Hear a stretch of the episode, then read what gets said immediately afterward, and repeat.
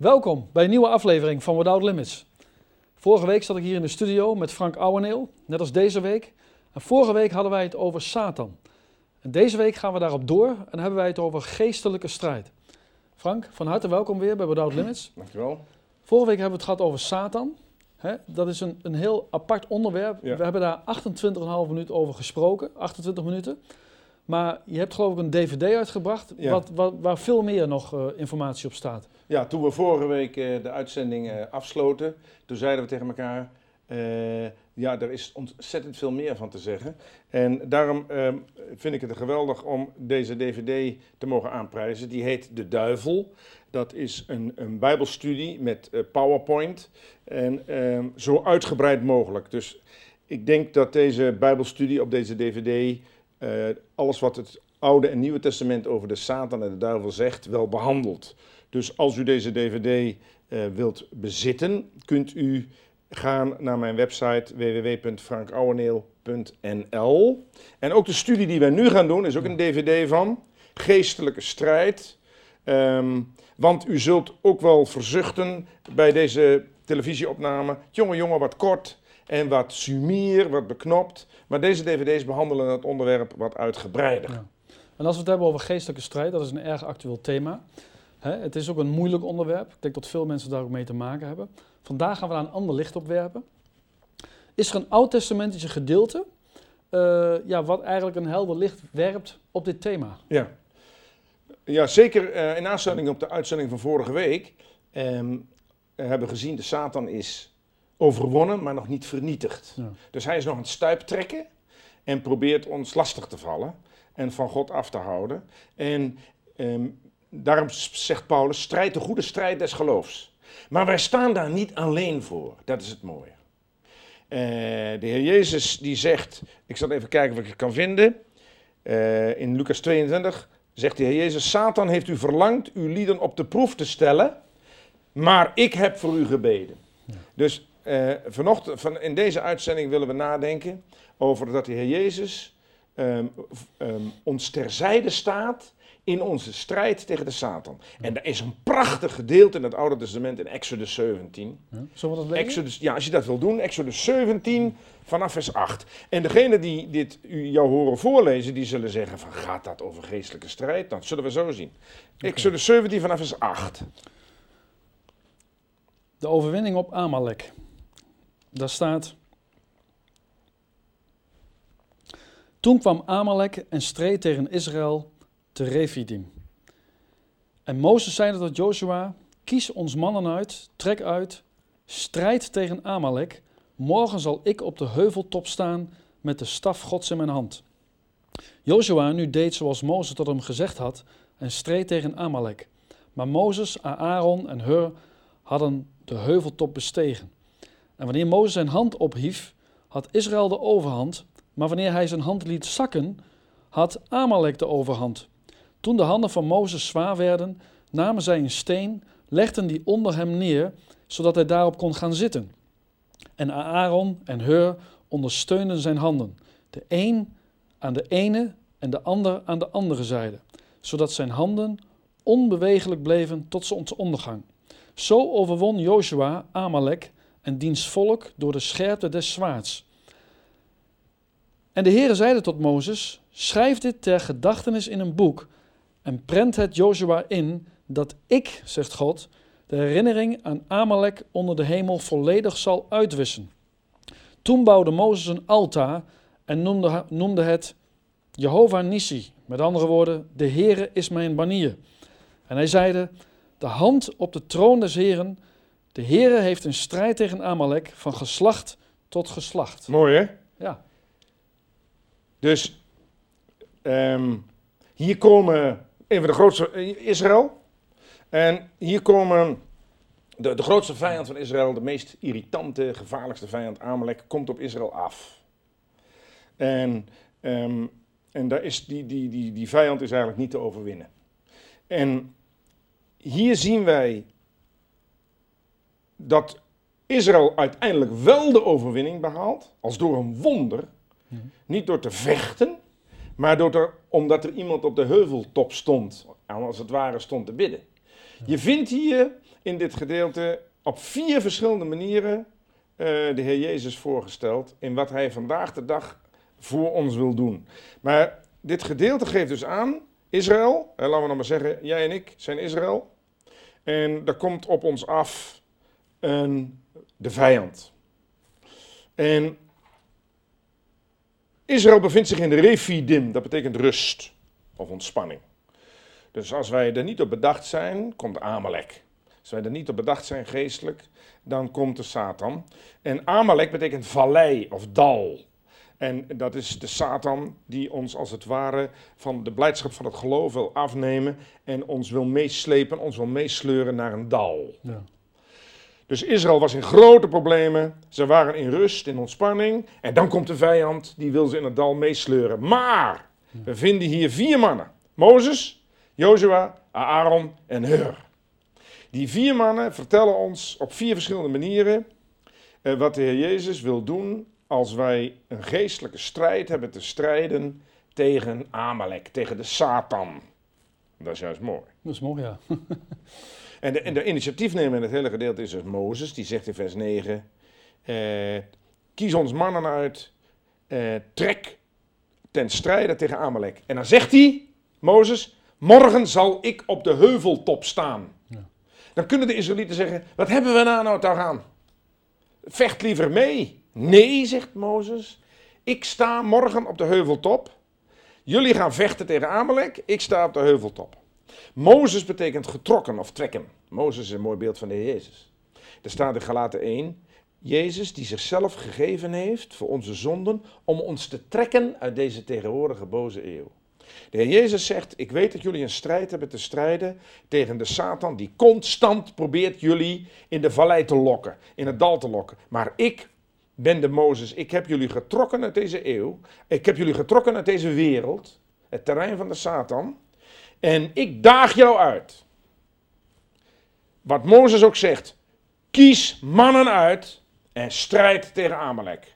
De Heer Jezus zegt, ik weet dat je hier op aarde bent, dat je moet strijden tegen de Satan, maar wees een vent, wees een kerel. Ja. ehm, eh, als, als, als, de, als de Heer Jezus hier op aarde is en er is storm hè, op het meer, dan kun je zien, dat is een soort geestelijke strijd van de discipelen. Die waren midden in de storm. En die waren doodsbenauwd. En de Heer Jezus daagt ze uit in vers 25 van Lucas 8. Waar was uw geloof? Ja. Waar was jullie vertrouwen op mij? ja, want Jezus had gezegd dat ze naar de overkant zouden gaan. Ja. Dus als ze dat geloofd hadden, ja. En een hoop Ja. christenen die zeggen, oh, die strijd van de Satan, ik verlies. En ze geven zich over eh, aan, aan, aan verdriet. En, en ik heb zo'n strijd, ik heb zo'n strijd. En dan kan de Heer Jezus ook zeggen, waar is je geloof? Wees een kerel, wees een vent, wees een meid. Kies mannen uit en strijd tegen Amalek. Want, zegt de Heer Jezus, net als Mozes, ik sta op de heuveltop.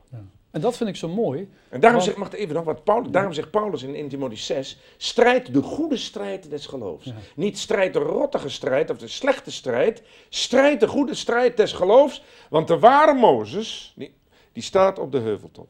En daarom kan Paulus ook zeggen in Efeze 6, doe de wapenrusting Gods aan om te kunnen stand houden tegen de verleidingen des duivels. Met andere woorden, doe de wapenrusting Gods aan, en die doe je alleen maar aan bij strijd, om te kunnen weerstaan degene die tegen jou ten strijde trekt. Amalek, de Satan. Maar is het niet zo dat je die, die wapenrusting altijd moet aanhouden, want er is altijd strijd.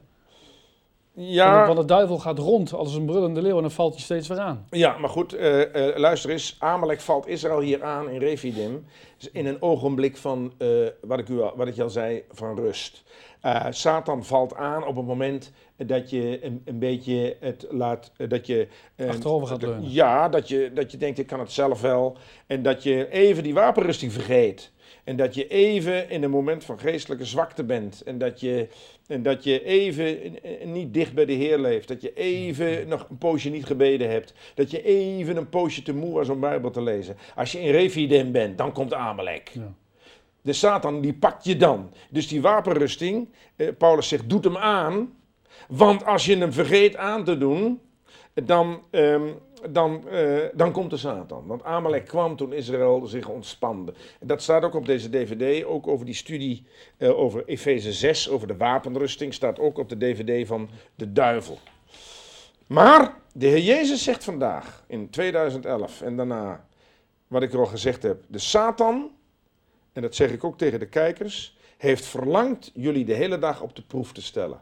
Dus de Heer Jezus zegt tegen u die in Hem gelooft, de Satan is erop uit om je de hele dag dwars te zitten en, en om je te verwikkeld te laten raken in een geestelijke strijd. Maar de Heer Jezus gaat verder en hij zegt in Lucas 22, maar ik heb voor u gebeden dat uw geloof niet zou bezwijken. De Heer Jezus zegt eigenlijk in Lucas 22, ik ben de Mozes, ik sta op de heuveltop. Ja. En, en, dat vind ik zo mooi, dat wou ik net ook even zeggen. Hè, dat er staat dat Israël de overhand had zodat die, zodra die staf omhoog was. Dat is mooi. Hè, dus, dus ze deden eigenlijk niets. En daaraan kun je ook zien dat het een, iets geestelijks was. Ja. Hè, een geestelijke strijd. De Heer Jezus uh, zegt ook eigenlijk, um, een beetje Oud Testament, dit is in Exodus 14, vers 14 ik zal voor u strijden en gij zult stil zijn. Het is een kwestie van geloof. Hoe, de, de, de, de hamvraag in dit hele onderwerp is, hoe dicht leef ik bij de Heer Jezus? Ja. Maar goed, de Israëlieten, even terug naar de Israëlieten, die zouden kunnen zeggen, wat hebben we daar nou aan? Mozes op de heuveltop. Maar Mozes, die, uh, die zegt, morgen zal ik op de heuveltop staan.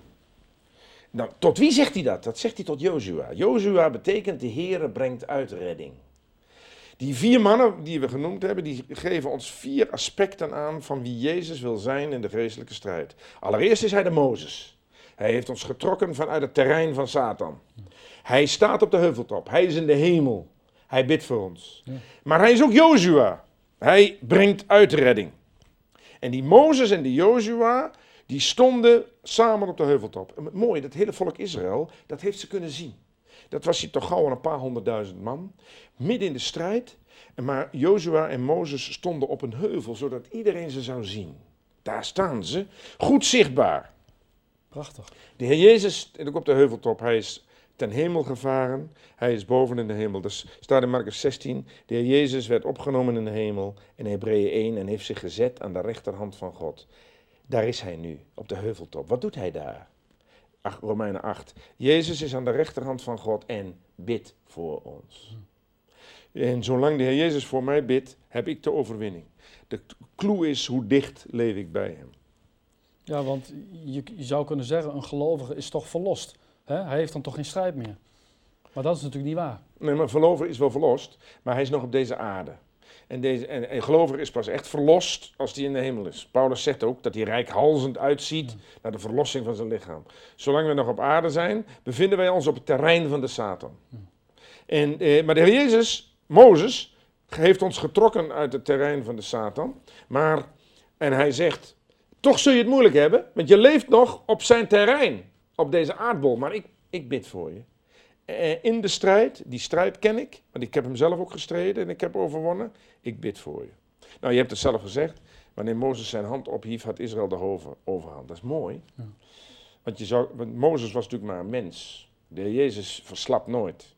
Mozes, als je dus de hele tijd zo staat, eh, dan worden je armen moe.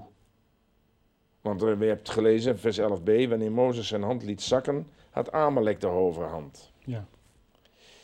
Daarom waren daar Aaron en Hur.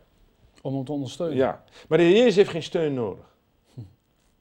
Maar waarom worden toch die Aaron en Hur genoemd? Die Aaron en Hur die waren om de zwakheid van Mozes uh, op te lossen. Maar bij de Heer Jezus, de ware Mozes, is precies andersom. Die Aaron en Hur vertellen ons juist uh, de kracht die zijn gebed voor ons heeft. Hur betekent bescherming en veiligheid. En schuilplaats. Dus hur heeft drie betekenissen. Bescherming, veiligheid en schuilplaats. Dus dat Jezus voor ons bidt in de geestelijke strijd betekent bescherming, veiligheid en schuilplaats. En dat, dat geniet ik pas optimaal als ik dicht bij Hem ben, in het gebed en door Zijn woord. Ja. En de Heer Jezus zegt vandaag eigenlijk tegen u die in een geestelijke strijd gewikkeld bent, richt je ogen op de heuveltop, richt je ogen naar de hemel, richt je ogen naar mij. Ik bid voor je ik bescherm je, ik bied je veiligheid en ik bied een schuilplaats. Prachtig gedeelte, ja. De clue is dus in het hele geestelijke strijd. Je kunt zielig doen. Je kunt zeggen, ach, ach, ach, wat is de strijd erg. En ach, ach, ik ga ten onder, ik ga ten onder. Die gelovigen zijn er zat hoor. Maar de Heer Jezus zegt, richt je ogen op de heuveltop. Daar sta ik. Ik, ik breng uitredding, ik bied je veiligheid, schuilplaats en rust. Ik heb het idee hè, dat, dat Aaron in dit Bijbelgedeelte een hele bijzondere rol speelt. Kun je daar iets meer over vertellen? Ja, ik ben blij dat je dat vraagt. Want Mozes hebben we gezien, eh, Jozef hebben we gezien, Hur hebben we gezien. Aaron heeft een hele speciale taak. Dus een, eh, die, Hur, daar lees je verder in de Bijbel weinig van. Aaron was een belangrijke man, maar dat was een hoge priester. Aaron betekent lichtbrenger. In Efeze 5 staat, vroeger waart gij duisternis, thans zijt gij licht in de Heer. Paulus zegt eigenlijk, vroeger waren jullie duisternis, je behoorde eigenlijk ook tot Amalek. Maar door het geloof in Jezus ben je licht. En, en je, bent een, je, je bent licht. En, en, en de Satan wordt genoemd de wereldbeheerser van de duisternis. De Heer Jezus wordt genoemd de ware Aaron, eh, het waarachtige licht. Johannes 1, hij is het waarachtige licht dat ieder mens verlicht. Er staat in 1 Petrus 2 dat de Heer Jezus heeft ons uit de duisternis, uit deze wereld getrokken, geroepen tot zijn wonderbaar licht. Hij is de ware Aaron. Hij zegt ook in Johannes 12: Ik ben als een licht in de wereld gekomen, opdat ieder die in mij gelooft niet in de duisternis blijven. Dus de Heer Jezus zegt: Die geestelijke strijd is de strijd van de duisternis. Lever je over aan mij in het geloven en het vertrouwen, want ik ben de ware Aaron. Dan zegt, hij zegt in Johannes 8, ik lees het voor, ik ben het licht der wereld, wie mij volgt zal nimmer in de duisternis wandelen, maar hij zal het licht des levens hebben. En wat is dat? Het licht des levens. Dat is Aaron. De Heer Jezus, ehm, Aaron had in het Oude Testament twee functies. Ehm, eerst nog even over dat licht. Waarom wordt hier Aaron ten tonele gevoerd? Omdat zijn naam eh, licht betekent en om de twee functies die hij had. Eerst nog even over dat licht. De Heer Paulus zegt in Efeze 5: Neemt geen deel aan de onvruchtbare werken der duisternis, Maar maar ontmaskert ze veel. ontmasker ze veel eer. Ja. Laat het licht van de Heer Jezus erover schijnen. Hoe? In de kracht van de ware Aaron. Met andere woorden, wij denken, ach, het is niet zo erg. Maar Paulus zegt, ja, maar dat kan wel, wat jij misschien niet zo erg vindt in deze wereld, kan nog wel eens de werken van de duisternis zijn. Je moet ze ontmaskeren. Hoe doe je dat? Niet in eigen kracht, maar door het licht van de Heer Jezus erop te laten schijnen. Paulus zegt in Romeinen 13, laten wij de werken der duisternis afleggen en aandoen de wapenen van het licht. Dat is de Heer Jezus. Waarom is Aaron nou zo belangrijk? Dankzij Aaron en Hur blijven zijn handen onbewegelijk tot zonsopgang. Dat de Heer Jezus ons terzijde staat in een zware geestelijke strijd. Dat komt omdat hij de Aaron is. Ik heb je verteld, Aaron had twee functies. Allereerst, hij was de hoge priester. De hoge priester eh, die ehm, met zijn bloed inging in het heiligdom. Je weet, op de grote verzoendag ging de hoge priester met zijn bloed in in het heiligdom en bracht verzoening tussen het volk en God. Daarom wordt de Heer Jezus in Hebreeën ook hoge priester genoemd, want hij heeft eigenlijk op het kruis hetzelfde gedaan. Hij is met zijn bloed ingegaan Ja. en heeft een eeuwige verlossing verworven, zegt Hebreeën. Daarom zegt de Hebreeënbriefschrijver, richt uw oog op de hoge priester Jezus. Richt uw oog op de ware Aaron. Dus als iemand in geestelijke strijd gewikkeld is, zegt Paulus, richt je oog op de ware Aaron. Hij is de hoge priester. Hij heeft voor jou zijn bloed gegeven. Maar de hoge priester had nog een functie. De Heer Jezus was hoge priester toen hij op het kruis zijn bloed stortte. Maar in Hebreeën 7 wordt hij genoemd de hoge priester tot in eeuwigheid. Dus toen de Heer Jezus als de ware Aaron zijn bloed stortte eh, en het zei het is volbracht, hield hij niet op met zijn werk. Hij, hij is hoge priester gebleven. Want Hebreeën 5 zegt, toen Jezus het einde had bereikt, volbracht, is hij voor allen die hem gehoorzamen een oorzaak van eeuwig heil geworden. Want wat deed die hoge priester nog meer? Die hoge priester, die Aaron, belangrijke functie, stond ook op de heuveltop. En die hoge priester, die had op zijn borst een, een, een lap met twaalf edelstenen. En in die lap met twaalf edelstenen waren de namen gegraveerd van de stammen van Israël. En dan staat er in Exodus 28, uh, Aaron ehm, zal de namen van de Israëlieten op zijn hart dragen. Hij zal de namen van de Israëlieten dragen voor het aangezicht van God. Dus Aaron liep de hele dag op zijn borst met een prachtig schild met twaalf edelstenen. En in elke edelsteen stond de naam van een Israëlische stam. En daar staat er letterlijk, die zal hij dragen voor het aangezicht des Heren op zijn hart. Dat is wat de Heer Jezus nu doet.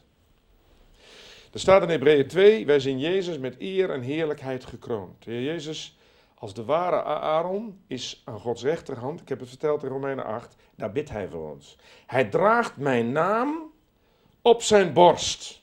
Niet een nummer, maar mijn naam. En ook voor de mensen die, uh, die dit horen en die in de geestelijke strijd verwikkeld zijn. Uw naam, ook al beslaat hij drie regels, staat op de borst van de Heer Jezus. Hij draagt uw naam voor het aangezicht van God en hij draagt uw naam op zijn hart. Dat is natuurlijk een gigantische bemoediging. Ja.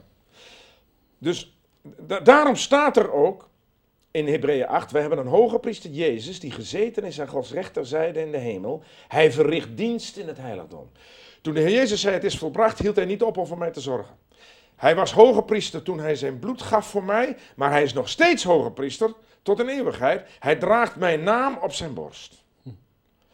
En misschien zijn er honderdduizenden in deze wereld die het eigendom zijn van de Jezus. Al die namen draagt hij op zijn borst. En hij draagt die naam voor het aangezicht van God. Er staat in Hebreeën 4, daar wij nu een grote hoge priester hebben, die de hemelen is doorgegaan, Jezus de Zoon van God. Laten wij aan de beleidenis vasthouden, want wij hebben geen hoge priester die niet kan meevoelen met onze zwakheden, maar één die in alle dingen op gelijke wijze als wij verzocht is geweest, ja. Doch zonder te zondigen. Laten wij daarom met vrijmoedigheid toegaan tot de troon der genade, opdat wij barmhartigheid ontvangen en genade vinden om hulp te verkrijgen ter gelegener tijd. Zie je dat? De Heer Jezus bidt voor u dag en nacht. Als u slaapt, bidt Hij voor u.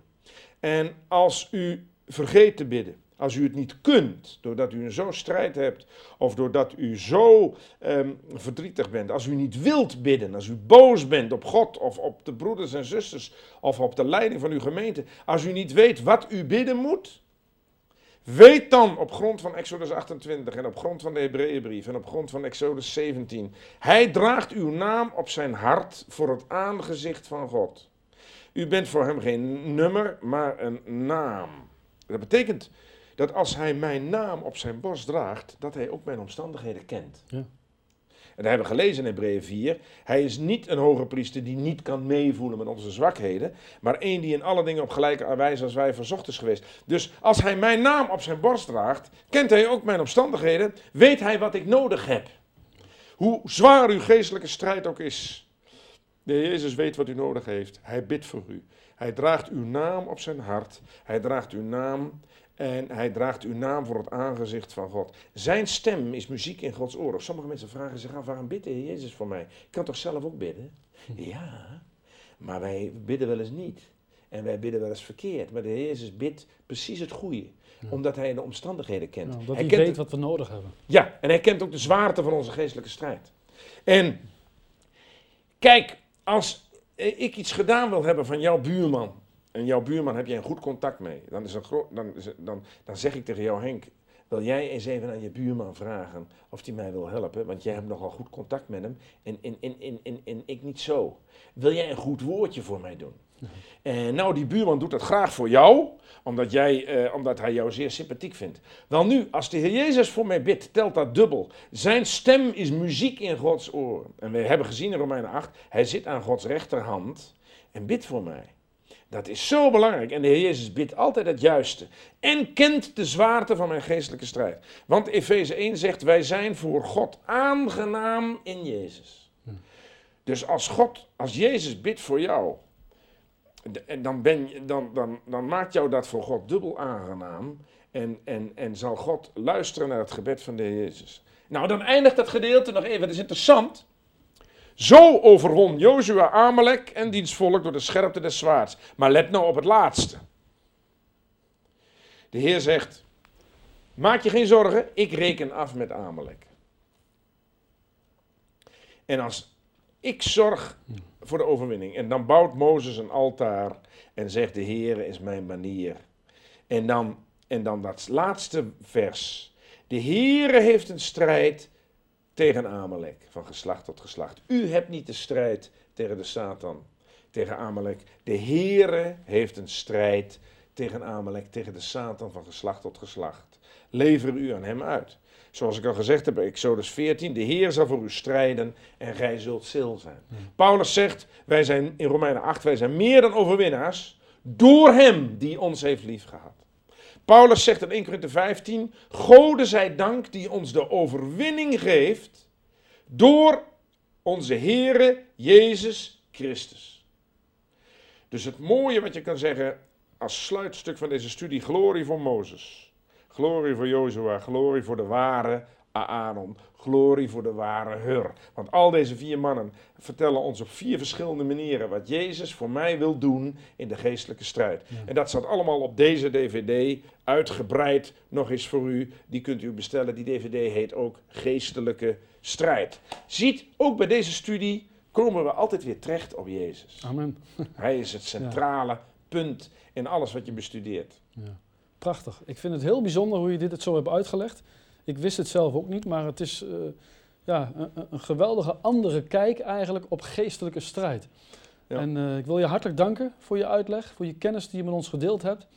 En we zien je graag volgende week terug. Dan uh, gaan we weer een aflevering doen. En dan gaan we het hebben over de Bijbel, Gods Woord. En dat wordt ook weer heel bijzonder. Frank, Absoluut. hartelijk dank. Graag gedaan.